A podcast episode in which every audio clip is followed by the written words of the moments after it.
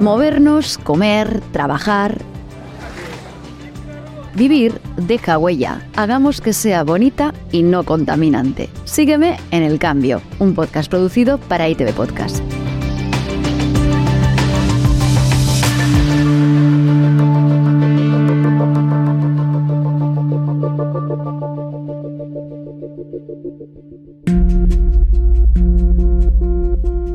Seguro que si preguntas a tu alrededor qué es la huella de carbono, obtendrás más dudas que certezas. Yo hice la prueba. Kaisho, ama. Eh, oye, una cosa, tengo que hacerte una pregunta. ¿Tú sabes lo que es la huella de carbono? Pues he oído algo, pero exacto no te podría decir qué es. A ver, es algo sobre el CO2 en, en el ambiente, ¿no? Me suena algo de eso. Vale, bueno, vas bastante bien. ¿Y sabes que tú también dejas huella de carbono con todo lo que haces? Pues no, no sabía que se puede eh, ir dejando. Tampoco sé con qué actividad concreta ni haciendo lo que se debe hacer o no, no sé. Bueno, pues no te pierdas el próximo capítulo del podcast El Cambio, porque aparte de que te escucharás ahí, aprenderás bastante. La madre que te parió. Sabía que me la ibas a jugar, ¿eh? Desde luego, si le digo que es para un podcast, no habría obtenido las respuestas que necesitaba. Y el experimento constata lo poco que sabemos sobre nuestra huella. Así que vamos en primer lugar a situar de qué hablamos con ayuda de Marijose Sanz del BC3, el Centro Vasco para el Cambio Climático. Hablamos de huella de carbono porque de alguna forma refleja las emisiones relacionadas con nuestra actividad. O sea, es cuántas emisiones de gases de efecto invernadero producimos nosotros como individuo a través del uso o a través de nuestra actividad eh, diaria. Y esto viene derivado pues de, o bien de los servicios que utilizamos, de los productos que utilizamos, de cómo nos movemos, cómo comemos, etcétera, etcétera. ¿no? El, el, que nosotros eh, vivamos obviamente siempre va a tener una cierta huella de carbono, ¿no? Lo comemos todos los días, ¿no? Y el producir esa comida tiene una huella de carbono y es una actividad ineludible, ¿no? Que no podemos evitar. Pero lo que sí que es cierto es que, bueno, pues dependiendo de qué productos consumamos, estos productos tienen una huella menor o mayor de carbono, ¿no? Entonces al final eso se refleja en una cantidad determinada de emisiones de gases de efecto invernadero y esa es nuestra huella individual de carbono. Así que todo lo que hacemos contribuye en mayor o menor medida, depende de las decisiones que tomemos, al calentamiento global, que se produce por la acumulación de todos esos gases, el CO2, el metano o el óxido nitroso, en la atmósfera. Para reducirlo no podemos dejar de vivir, pero sí fijarnos en cuáles son los hábitos más nocivos e intentar cambiarlos. El más nocivo es coger el coche para todo, y lo más fácil es empezar a pensar que distancias eh, razonables las puedes hacer andando. Pues empecemos por ahí. Yo también me comprometo a evaluar mis hábitos y tratar de mejorarlos. Para ello voy en busca de alguien que me ayude a calcular bien mi huella de carbono. He quedado con Marimar Alonso, directora del área de acción climática de IOBE, la Sociedad Ambiental del Gobierno Vasco. Hola Marimar, Eguardión. Eh, Kaiso Eider.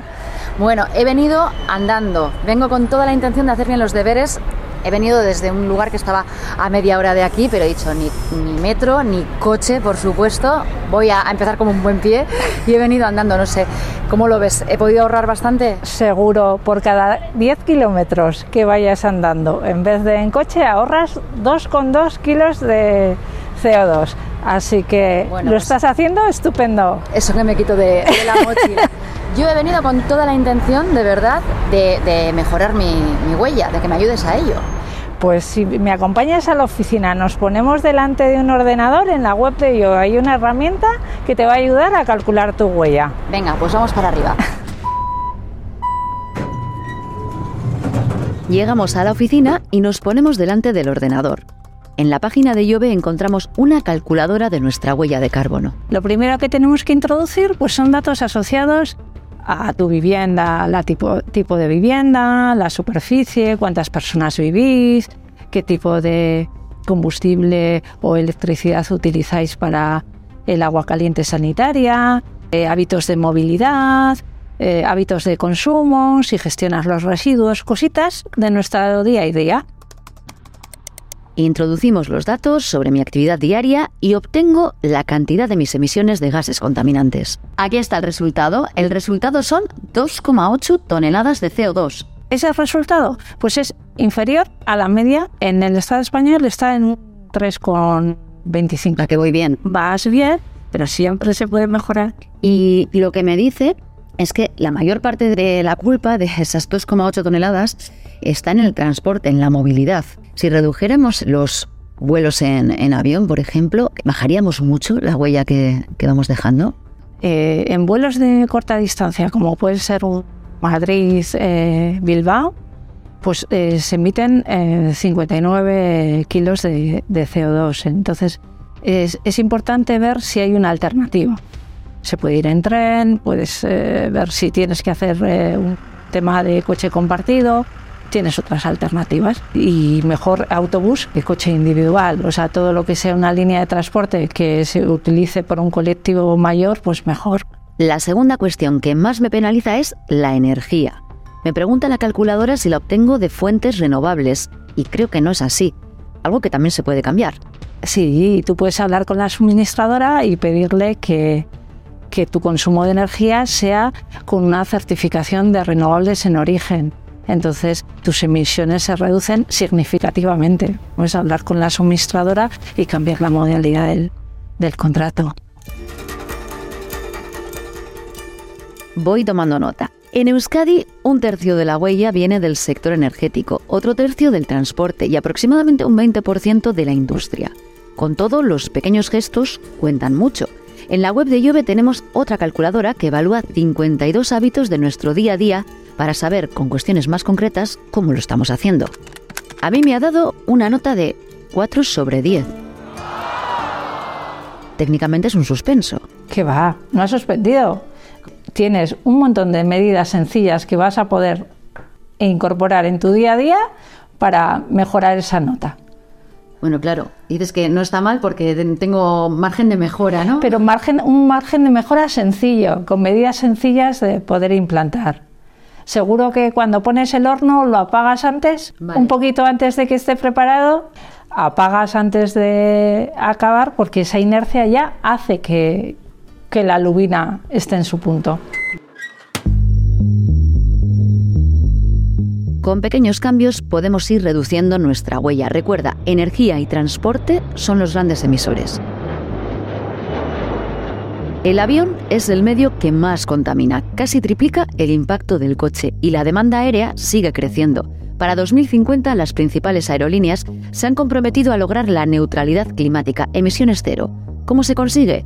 Reduciendo y compensando lo que se emite, por ejemplo, con proyectos de reforestación. De hecho, ya es una opción. Al comprar un billete de avión se puede pagar la compensación de CO2. ¿Estás dispuesto a pagar por ello?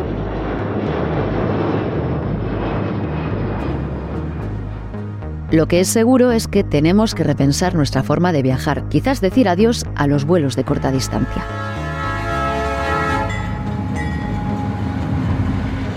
Y apostar por medios más sostenibles, descarbonizar y electrificar. Esa es la cuestión, incluso por aire. Todos estos aerotaxis van a ser 100% eléctricos puede alcanzar hasta 120 km por hora. En la década del 2030, alguien va a poder subirse a un aerotaxi en Baracaldo, en Bilbao, en Tolosa, en Donosti o en cualquier otro pueblo o ciudad. No estamos en una peli de ciencia ficción, aunque lo parezca. Esta aeronave no tripulada que nos presenta desde Tecnalia Joseba Lassa realizó con éxito hace unos meses su primer vuelo libre. Cojo el móvil, eh, miro dónde está el aerotaxi más cercano, me acerco, abro con el móvil la puerta, subo los escalones, me siento, es el asiento el que gira y se pone mirando hacia adelante. Hay una voz que te acompaña en todo el viaje.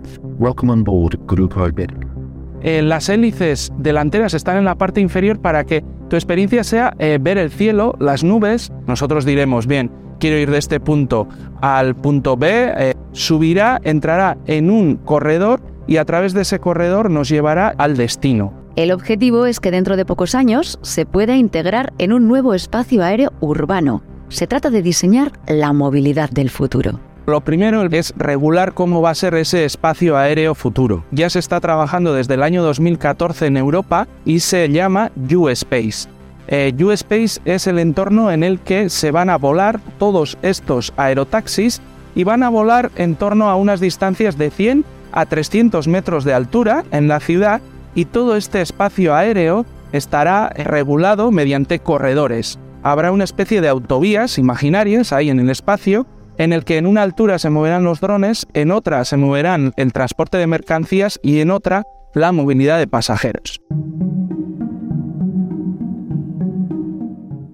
La descarbonización del planeta es urgente. Toca cambiar el chip. Bueno, y muchos de nuestros hábitos. Un cambio de vida importante. Lo tuvo claro nuestra compañera de informativos de Euskal Televista, Andrea Rizabalaga, cuando decidió caminar con paso firme hacia una vida realmente sostenible. Pero, ¿es posible eliminar tu rastro? Cero waste es imposible. Que tu huella de carbono sea cero. Vas cambiando cosas poco a poco.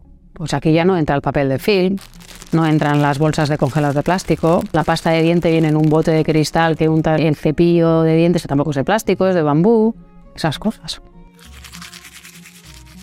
Cambiar la dinámica de un hogar no debe ser nada fácil, ni algo que se haga de la noche a la mañana. Sí cuesta y entiendo que la sociedad te mire como, joder, vaya bicho raro. No tiene botella de champú en su casa. No, tengo una pastilla de jabón de los de toda la vida. Y eso no lo quiero cambiar, eso quiero que sea así, pero es muy difícil porque sí que vas a contracorriente y sí que eres la rara, pero tú en el fondo dices, pero es que esto es lo bueno. La alimentación puede suponer hasta un tercio de la huella de carbono de un hogar. Cuando llenamos la cesta hay que fijarse en los embalajes, en la procedencia de los productos y quizás variar un poco la dieta. Reduciendo muchísimo el consumo de carne, digo muchísimo porque se consumimos tanto que reduciéndola ya sería impresionante. No tiene ningún sentido que la mayor parte del cereal, de las verduras que se cultivan, sean para dárselo de comer a animales que después nos tenemos que comer nosotros. La cadena no es sostenible. La carne se sitúa en el centro de las miradas. Volvemos al BC3 con una duda razonable. ¿Es más sostenible un plato de lentejas que una chuleta? Bueno, puede generar una huella parecida si las lentejas las tengo en un cultivo intensivo con fertilizantes inorgánicos, atotiplén que me están dando, me están filtrando al acuífero, o sea, ¿qué de que ¿por qué la carne roja? Bueno, pues porque la carne roja está producida por eh, rumiantes, ¿no? Eh, los rumiantes emiten metano en su proceso de digestión. Ese metano es un gas de efecto invernadero bastante potente y por eso la carne roja tiene una huella de CO2 equivalente, bastante más grande, por ejemplo, pues que los conejos o las gallinas o los propios cerdos que son, que son omnívoros. Pero también es verdad que la carne roja tiene unas propiedades muy interesantes para ciertas personas en sus dietas, por lo menos algunas veces a la semana. ¿no? La virtud está siempre en el equilibrio. No creo que sea ni saludable para nosotros dejar de consumir carne, pero que tenemos que consumirla con mesura. Y sobre todo tenemos que saber qué implicaciones y qué huella tiene eso, porque eso nos permitirá racionalizar cómo la consumimos. Que sepamos identificar mejor el impacto climático de cada producto, el etiquetado podría recoger la información sobre la sostenibilidad que aporta, igual que ocurre con la información que nos ayuda a valorar si es más o menos saludable. Y esto es algo que podría regularse dentro de muy poco. Sí, sí, yo no creo que esté muy lejos y creo que puede que algunos alimentos ya tengan este tipo de información eh, dentro del etiquetaje. Ya hay algunos productos que, llevan asociada la huella de, carbono, ¿no? Como una información adicional. O sea, que el que se regule que esto sea algo que tenga que estar en las etiquetas de forma obligatoria, pues puede que sí, que no esté tan lejano. Además, la ciencia avanza para lograr una alimentación más eficiente, los chuletones fabricados por impresoras 3D ya son una realidad. En la próxima década la cocina será muy diferente. Ya hay empresas que producen proteínas a partir de insectos. Es algo en lo que también trabajan en el Departamento de Innovación Alimentaria de la Escuela de Hostelería de Bilbao que dirige Joseba Lozano. Los insectos también serán parte de la comida del futuro porque eh, tienen un valor proteico muy alto y la huella de carbono que dejan es muy reducida comparando con el animal. Los productos que hemos trabajado, por ejemplo, son tan comunes como unas cookies de galleta, que tienen en su interior harina de grillos, diferentes productos que bueno, pues que son uno de los productos a los que estamos habituados y que si no te dicen nada, pues no sabes que tienen harina de grillo. Cuando decía que hay que cambiar el chip, hablaba de abandonar prejuicios y abrazar las nuevas y sostenibles viandas que nos están preparando ya los laboratorios gastronómicos. Eh, lo más importante que tenemos entre manos es la creación del micelio. Es utilizar las sobras de alimentación que los ponemos como alimento para un hongo unicelular, un micelio, y creamos una proteína consumible que podemos volver a comer. Es decir, de restos orgánicos de alimentación obtenemos una proteína consumible. Pensamos que es un hito y es el ejemplo perfecto de economía circular, sin huella de carbono y con una proliferación muy rápida. La obtención de la proteína de forma con base animal serían años y una producción con huella de carbono muy amplia y con el micelio en 21 días obtenemos el mismo nivel de proteína. La idea, tal y como insistimos en este podcast, es aprovecharlo todo, porque todo lo que tiramos son emisiones de gases de efecto invernadero que podríamos haber ahorrado. Así que el despilfarro alimentario genera una gran huella de carbono y casi la mitad se despilfarra en nuestros hogares. Pero de esto hablaremos en el próximo capítulo. Seguro que te has quedado con ganas de profundizar en cómo impactan tus hábitos alimentarios en el medio ambiente y cómo está afectando el cambio climático a lo que comemos. Te lo cuento en el siguiente episodio de El Cambio, en ITV Podcast y en las plataformas habituales.